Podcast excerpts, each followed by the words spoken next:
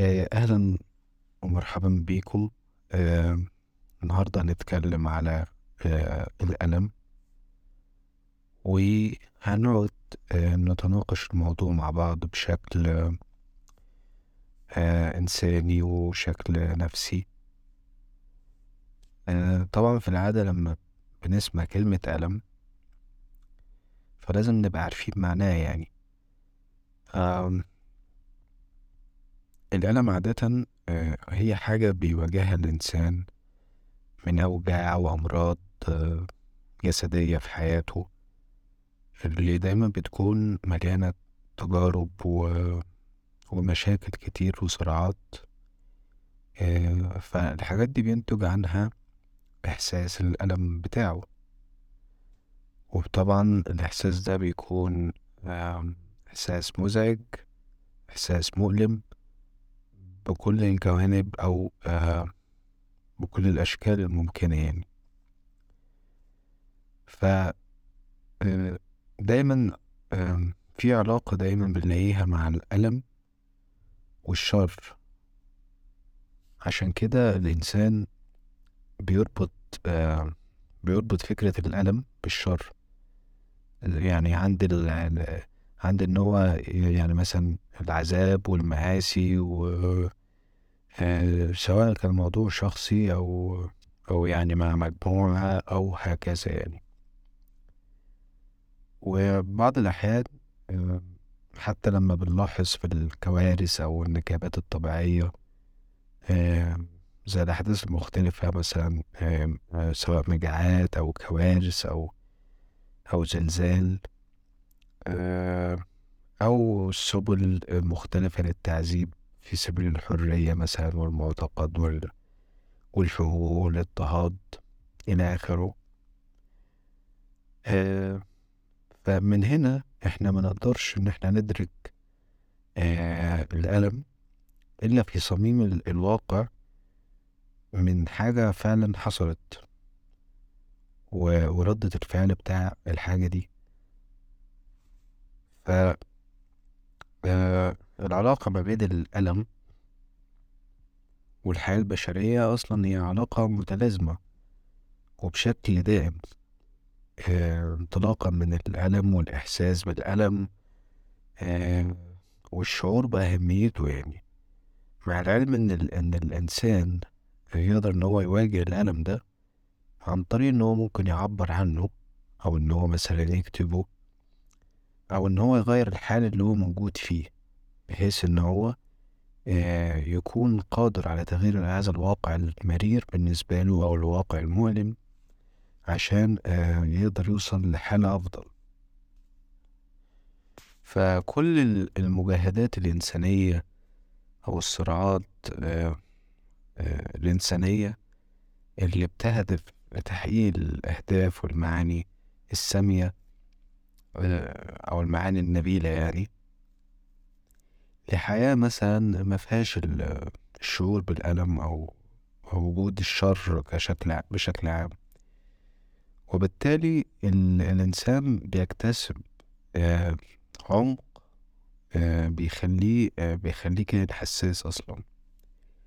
لأن الكائن الحساس هو كائن إنساني جدا. كلما زادت حساسية الشخص كلما زادت إنسانيته. آه وبيقدر إن هو بقى يتمتع بالنضج العقلي والروحي السليم عشان هو آه شخصية حساسة يعني. وده باعتبار شخصي ومن رأيي يعني. ليه؟ لأن هو آه بيشوف آه نوع من أنواع السعادة في إن هو بيتحمل المسؤولية اللي هو شافها أو المسؤولية الملقاة على عاتقه في سبيل إن هو يحقق شيء معين. فدايما بتلاقي الشخصية اللي بتواجه الألم والمصاعب. يعني بتواجه الموضوع ده بشكل بأقوى ما فيه دايما. هو هو مش هيكون حابب الفكرة مش هيكون حابب هذا الشعور. وبالتالي بيقاومه بقوته الشخصية أو إنه يكون عنده شجاعة كافية إن هو يتعايش ده وفي نفس الوقت يكون مواجهه يعني أو يواجه هذا الشيء. على وبشكل إضافي يعني الموضوع إن كمان بيقدر إن هو يوصل لمرحلة النضج النفسي خصوصا إن هو بعد ما ما ما بيمر بتجارب عديدة آه، تعايش مع هذا الألم وتعايش مع طريقة حله أو طريقة نضاله في إنهاء آه، ألمه اللي هو بيشعر فيه. آه، ودايما يعني حتى بيحصل له حالة من الاتزان العاطفي والوجداني. ما بين إن هو يتألم وما بين إن هو يكون سعيد. لذلك في في بعض من الفلاسفة ربطوا الفكرة دي بمفهوم اللذة وفي آه، فلاسفة آخرين ربطوها بمفهوم آه، المفهوم الميتافيزيقي و وعلوم أخرى يعني من آه، علوم الفلسفة. زي اللي مثلا إن هو ربطه بالروح وبالوجدان وباللاهوتية أو أي شيء آخر. آه وطبعا الموضوع ليه علاقة آه بأن هو بالبعد الطبيعي أصلا والمادي والحياتي. آه للإنسان اللي هو الإنسان آه، بروحه وذاته و و و والمواقف اللي هو بي بيتعايشها. بشكل يومي. اللي خلت الألم أو أو جعلت من الألم إشكالية أصلا إن أنت تبحث عنها فلسفيا ونفسيا واجتماعيا. وتقدر إن أنت تشوف هذا ما هو الألم وكيف وكيف يتم مقاومته وكيف يكون الإنسان في وضع أفضل من الوضع اللي هو بيكون فيه آه، في هذا الوقت يعني. ولو ولو إحنا جينا مثلا آه، نتفكر في هذا الشيء يعني بال بالشيء التقليدي أو فيما يسمى المازوشية بالمعنى النفسي بتاعها. يعني في شخص اسمه ميلان كونديرا وصف كده وصف أدبي قال أنا أتألم إذا أنا موجود. آه طيب هل معنى كده إن الألم ده هو شيء آه مزوشي في الإنسان؟ يعني هل الإنسان أصلا مزوشي بقدر ما هو موجود أصلا؟ آه وكان في شخص برضو آه قال معنى آخر اسمه مارك توين آه كتب آه لك إن هو يولد الإنسان آه ويؤلم بعضهم بعضا ثم يموتون. آه الموت طبعا يعني حسب وجهة نظر مارك هو ليه معنيين يعني. المعنى الأول اللي هو المتعارف عليه إن إن الإنسان بيموت فبيتوقف الوظائف الحيوية للجسد وما بتكونش موجودة. والمعنى الآخر بالنسبة له إن هو شايف إن الموت موت الشغف بالأشياء والأشخاص. أو اللا شعور يعني. إضافة بقى إلى الروتين اليومي لحياته أو الروتين الموجود في حياته بشكل آه، هو بيعصره أو بيتعايش معاه. طيب هل يعني الفردية آه، هل ساهمت في زيادة الألم للإنسان؟ وده شيء مهم يعني تعالى نتخيل مع بعض إن كوكب الأرض قبل كده حسب آه، رواية الكاتب والفيلسوف الروسي الشهير فيودور دوستويفسكي آه، كان بيعيد النظر آه، في الأرض لما آه، سكنها الرجال الأوائل آه، فهو كان شايف إن إن سكانها كانوا دايما متوزعين على شكل قبائل صغيرة وكان في حالة من من الوئام والحب فيما بينهم ولكن الإنسان في الوقت ده كان بيسعى للبقاء على قيد الحياة. وكان هدفه ال ال ال الأوحد هو النجاة فقط. فكان بي بي بيتعايش حتى مع الحيوانات يعني وكان بيشعل النيران فبيجتمعوا بيجتمعوا حوالين النيران دي. آه وكانوا متعايشين أجواء اللي هو آه كان يعني دايما صديق لهذه الطبيعة وهذا العالم المادي اللي بيكون دايما أمامه أو موجود آه حواليه. حتى الإنسان آه كان في بداية عصره يعني في هذه الفترة كان بيعمل زي آه آه يعني طريقة آه تفهمه أو أو إن هو يتحدث. كان يعتبر بشكل بدائي جدا. كان بيكون بطريقة آه خلينا نقول موسيقية كده للغة أو لما يقوله عشان اللي حواليه يقدروا يفهموه. وده كان هما مبسوطين بالحياة وبالأرض والشعب وال وهذا الخضرة الفتاكة يعني اللي كانت موجودة في هذا الزمن أو في هذا الوقت.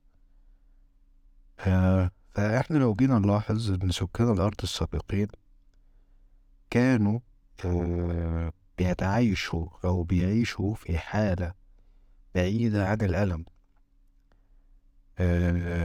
يعني كانوا بيعيشوا بعيدا عن ألم الكائن على أتفه الأمور.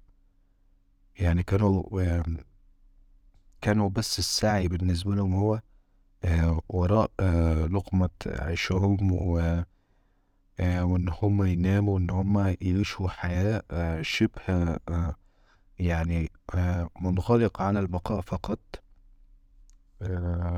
وما كانش فيه بقى هذا الزخف آه، الحالي من آه، شكل ونمو الشعوب والكوكب وحتى في الثقافات المتدرجة بشكل بشكل دائم على مدار حياة الإنسان.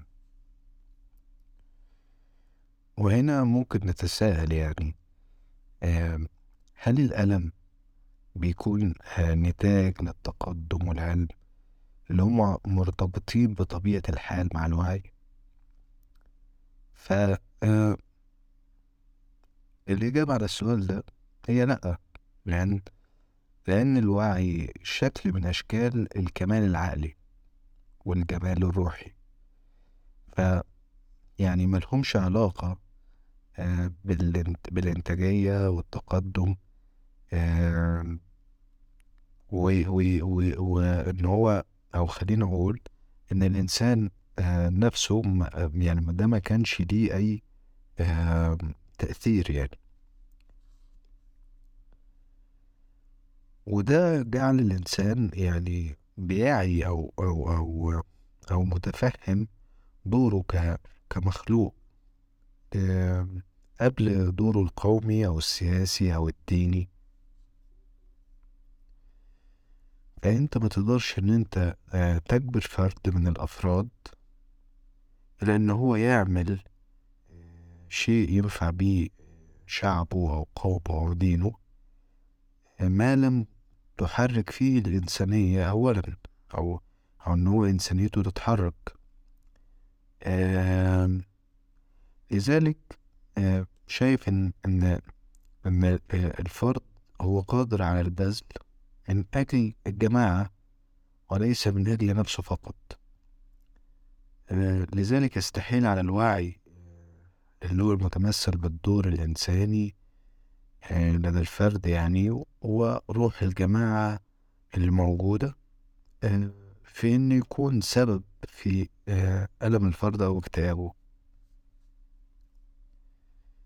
فلو إذا كان الموضوع يكون بشكل مختصر قليلا فهو الألم هو شكل من أشكال الوحدة آه، أو عدم الانتماء يعني ليس بالضرورة إن هو يكون مثلا في غربة آه، عشان يشعر بالوحدة دي.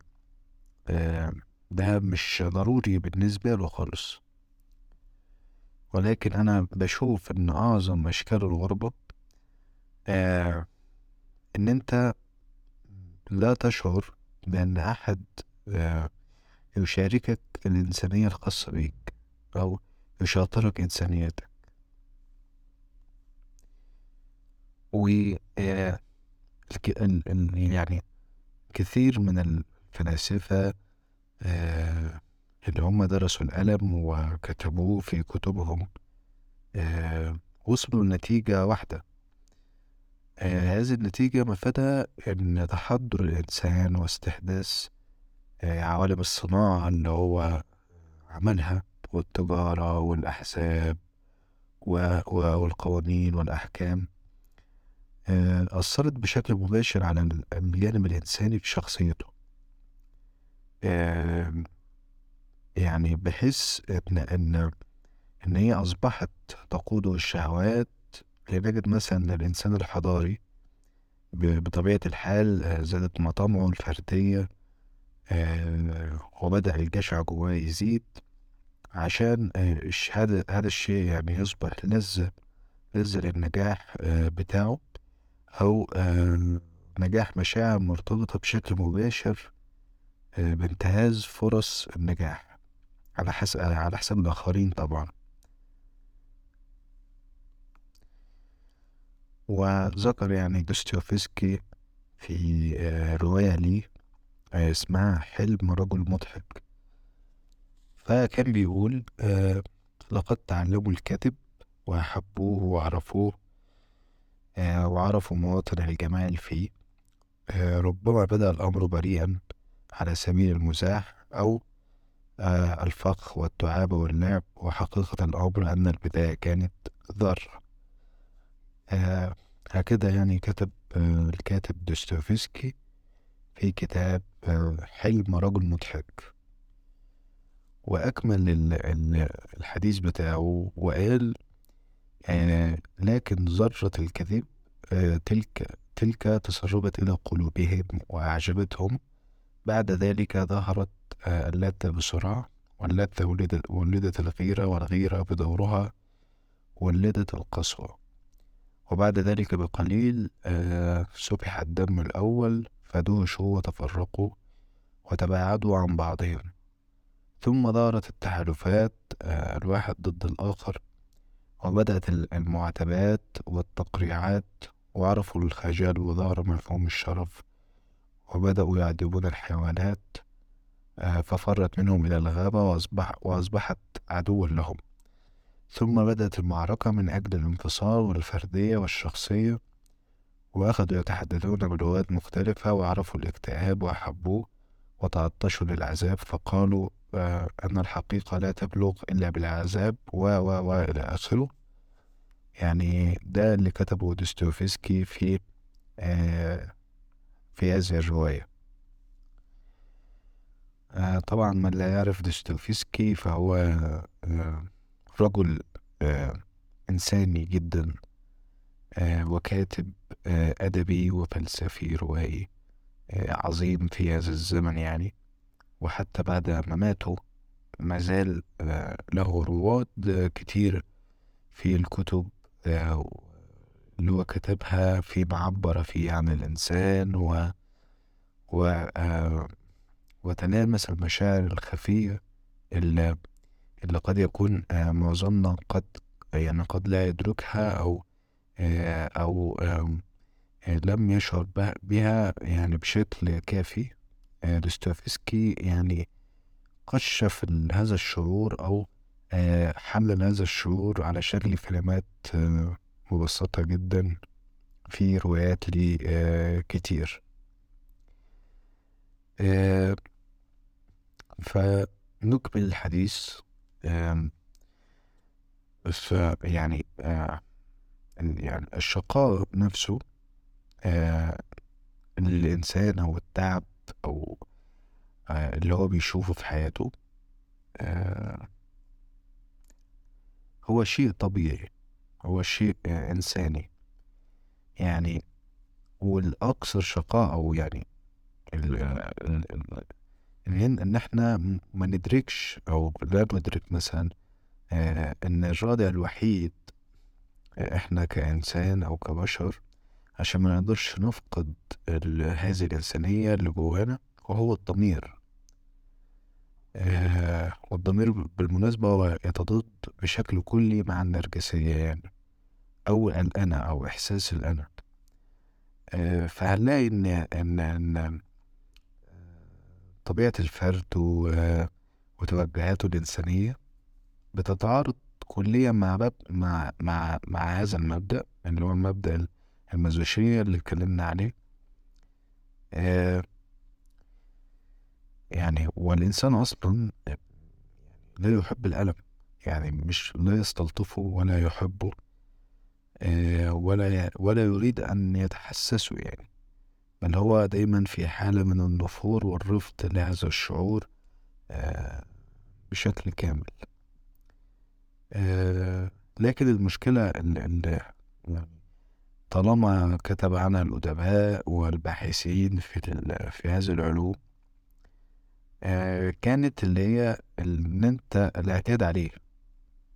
الاعتياد على هذا الشعور. آه لذلك ممكن نقول إن إن لما هذا الفرد أو هذا الشخص أو هذا الإنسان عندما آه يخضع شهواته لمحكمة الضمير فإنها يعني تساعد بشكل آه، قوي جدا آه، أو آه، خلينا نقول هتمنعه من ارتكاب الكثير جدا من التناقات والنكبات اللي بتحصل وهذا الشعور القاسي جدا. أتمنى أن يكون هذا التسجيل رائع ومفيد وتحياتي للجميع.